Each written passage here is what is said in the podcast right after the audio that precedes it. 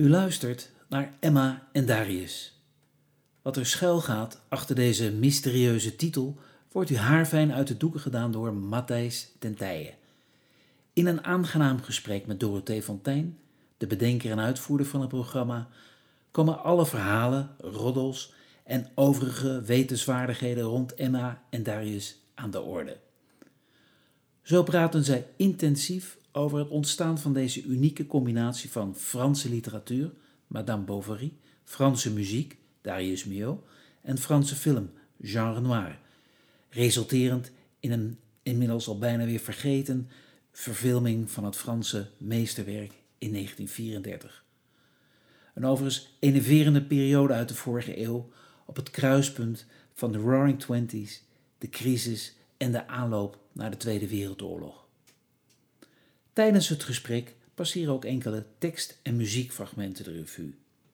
Na afloop van de podcast weet u wat er achter de titel Emma en Darius schuilt en bent u vast geïnteresseerd om het programma eens bij te gaan wonen. En dat kan.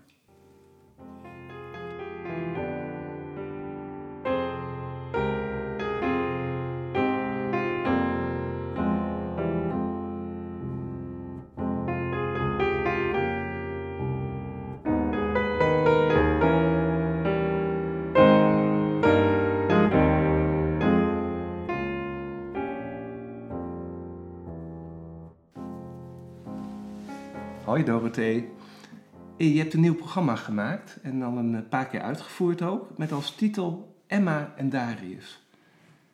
Ik ben heel erg benieuwd waar gaat het over en uh, hoe ben je aan die titel gekomen? Um, nou, om maar met dat laatste te beginnen. Emma, dat is een uh, verzonnen personage uit de roman Madame Bovary van Gustave Flaubert. En Darius, voluit Darius Milhaud, was een Franse componist uit het begin van de 20e eeuw. En hij heeft geprobeerd het verhaal van Emma Bovary in muziek uit te drukken. En misschien ken je Darius Milhaud van werken als uh, La Création du Monde, de schepping van de wereld, of ook uh, Le Bœuf sur le Toit, de os op het dak.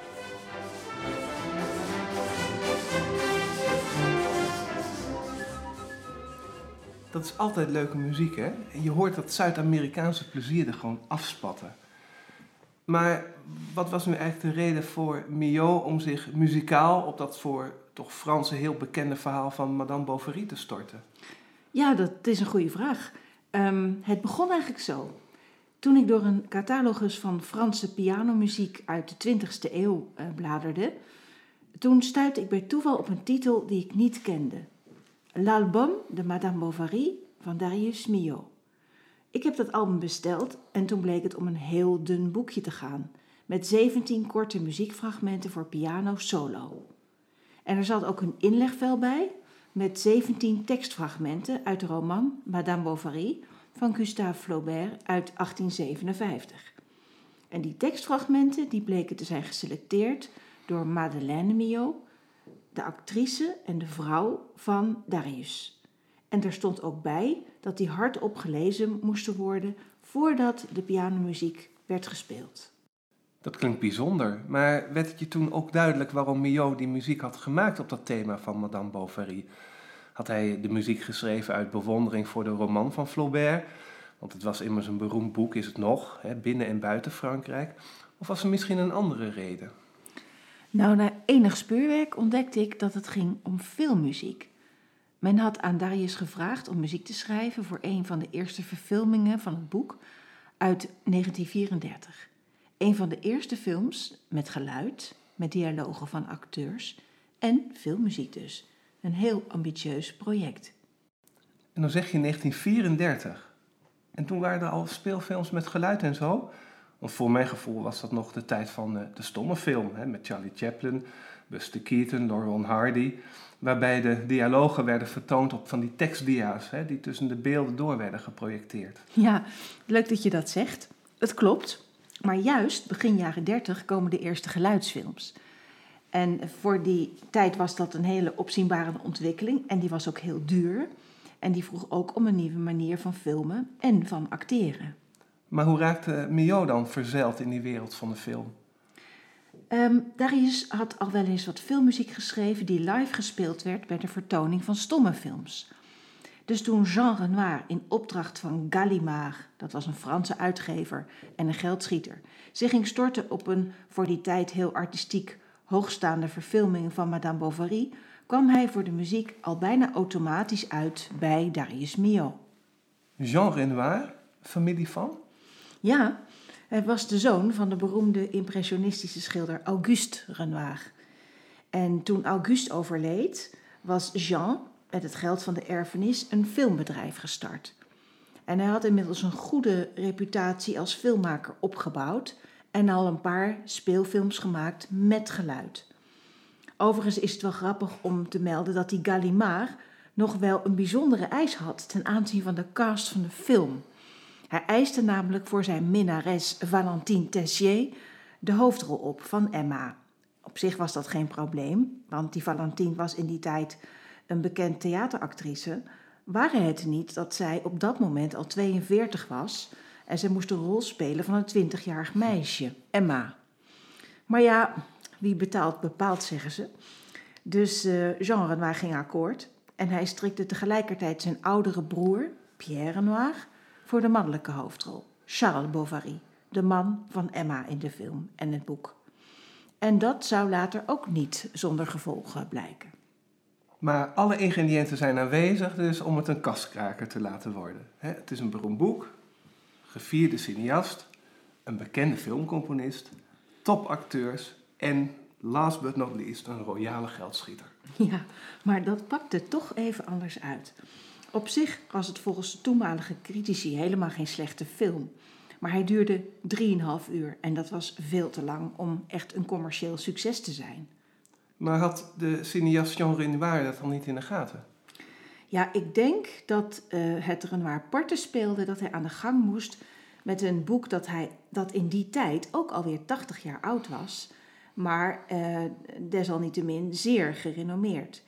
En daarbij kwam ook dat hij zelf het scenario moest schrijven van een boek van meer dan 500 bladzijden. En wat toen? Ja, uh, het bekende recept. Er werd besloten dat de film tot anderhalf uur moest worden ingekort. Maar ook dat kost geld en dat bleek plotseling wel een probleem te zijn. Hoezo dat dan? Nou, Gallimard had geen zin om ook nog maar één cent in het project te steken. En hoe kon dat ook anders? Want Valentine Tessier, de hoofdrolspeelster, die had hem inmiddels verlaten voor een affaire met haar tegenspeler Pierre Renoir, die Charles Bovary speelde in de film. Dus wat Gallimard betreft was het over en sluiten. Nou ja, dan vraag ik me onderhand wel af wat er uiteindelijk terecht is gekomen van die film. Nou, de film is daadwerkelijk ingekort, maar zodanig uh, uh, onzorgvuldig dat er van het verhaal weinig overbleef. En de scènes vrij willekeurig ogen. En dat was ook de kern van de kritiek nadat de verkorte versie in Parijs werd vertoond. Uh, en het werd dus ook geen succes of kaskraker zoals je wil. Kortom, een ogenschijnlijk roemloos einde van een ambitieuze verfilming van een heel beroemd boek uit de Franse literatuur. En toch heb jij er een programma over ontwikkeld. Vertel. Ja, ja, toch heb ik dat gedaan. Opmerkelijk genoeg is deze ingekorte versie bewaard gebleven en enige jaren geleden zelfs op DVD verschenen. En ik was benieuwd naar de muziek van Milhaud. Uh, en, die, en toen heb ik de film uh, besteld en aandachtig bekeken. En ik kwam erachter dat ook de muziek van Milhaud voor een groot deel uit de film was verdwenen. Dus al met al een redelijk teleurstellende actie, niet dan? Nou, toch niet. Want het bracht mij op het idee om het verhaal van Emma Bovary aan de hand van fragmenten en beelden uit de originele film en de oorspronkelijke muziek van Darius Milhaud weer bij elkaar te brengen. En daarbij heb ik ook gebruik gemaakt van de tekstfragmenten die door Madeleine Milhaud aan de pianobundel zijn toegevoegd. En ik vermoed dat Madeleine, Madeleine ook vond dat de muziek van haar man een beter lot had verdiend en dat ze daarom achteraf een pianoversie op de markt hebben gebracht. En gelukkig maar. Dat is een mooie uitdaging. En uh, uh, Madame Bovary, uh, waar gaat het eigenlijk over? Nou, Flaubert zelf noemde zijn boek een roman sur rien. Een verhaal over niets. Het is een heel simpel verhaal, zonder intriges of ingewikkelde verhaallijnen. En in mijn voorstelling vertel ik dat verhaal over Emma, gelardeerd met de muziek van Darius. En hoe doe je dat? Ik neem de toeschouwer mee door het verhaal aan de hand van de fragmenten die geselecteerd zijn door de vrouw van Darius Mio uit de roman van Flaubert.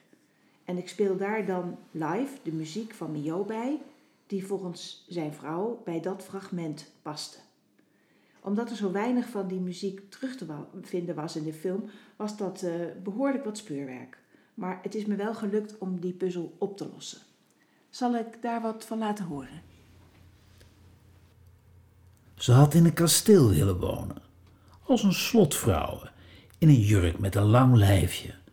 Haar dagen slijtend onder het klaverblad bogen, waar zij, leunend op de stenen vensterbank, met de hand onder haar kin, uitkeek naar een ridder met een witte pluim, die uit de verte kwam aangalopperen op een zwart paard.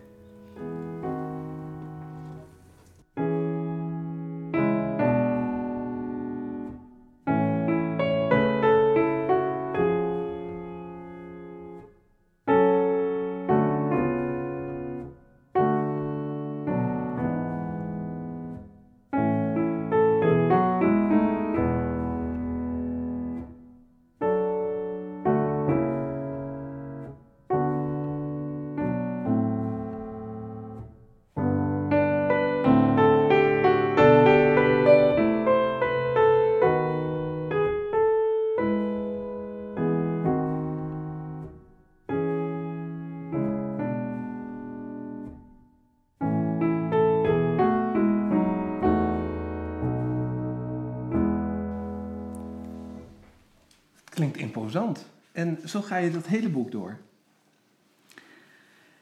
Wat mij betreft is het nog interessanter dat ik niet alleen de tekstfragmenten laat horen en live de muziek speel, maar dat ik ook fragmenten uit de film kan laten zien die bij elkaar een intrigerende blik bieden op het ontstaan van de verfilming van het boek en de prachtige muziek die Mio daaraan heeft toegevoegd.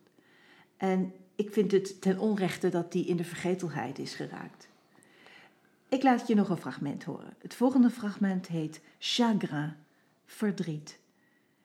En let zomaar eens op de baslijn. Dieper kun je niet zinken. De volgende dag was voor Emma een dag van rouw. Alles leek haar gehuld in een zwart waas dat over het oppervlak van de dingen zweefde. En het verdriet trok zacht huilend door haar ziel, zoals de winterwind huilt in het verlaten kasteel.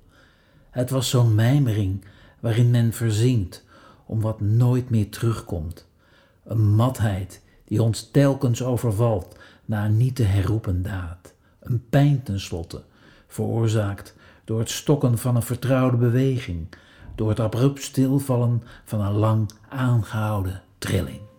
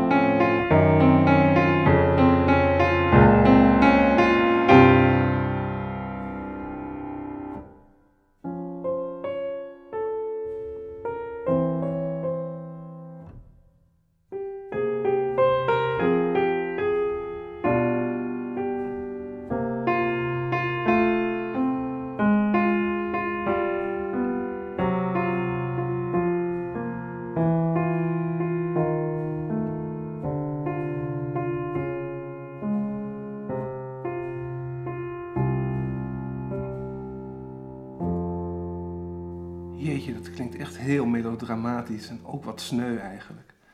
Hoe werd Madame Bovary in Frankrijk eigenlijk ontvangen, 150 jaar geleden?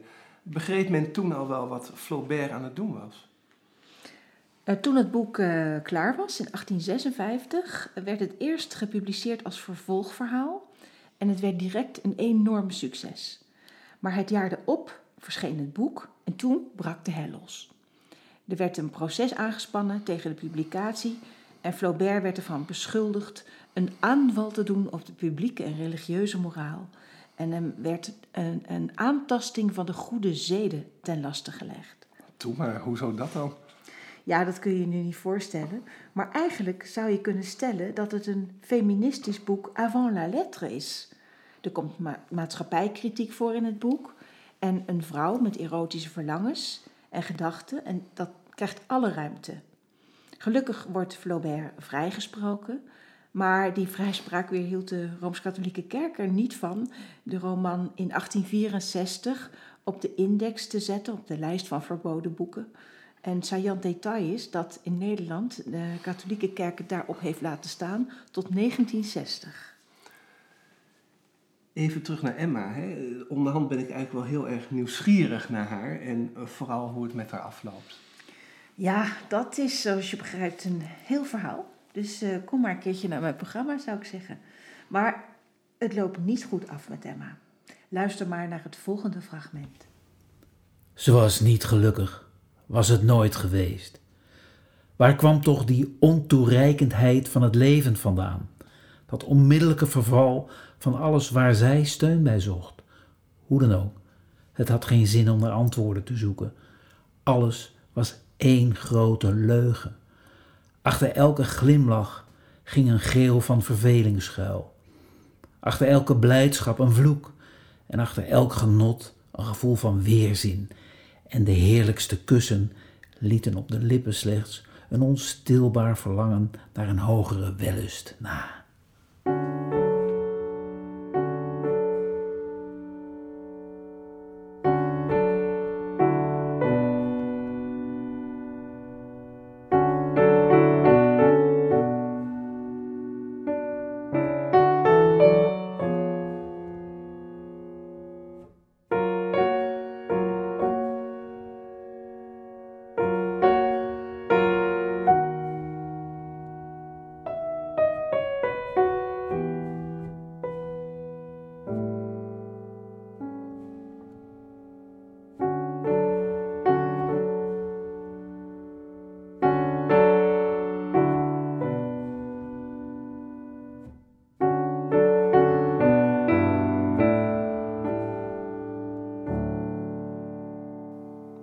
Dramatisch. Ja, dat was het zeker. Maar het boek wordt er niet minder om gelezen. Het is nog steeds een hoogtepunt van de Franse literatuur. En wereldwijd is het inmiddels ruim twintig keer verfilmd, tot in Portugal, Rusland en China aan toe. En de archetypering van deze jonge vrouw is nog zo up-to-date dat ook in de hedendaagse wetenschap nog steeds aan haar wordt gerefereerd met de uitdrukking Ah, c'est une Bovary. Dat is een Bovarietje.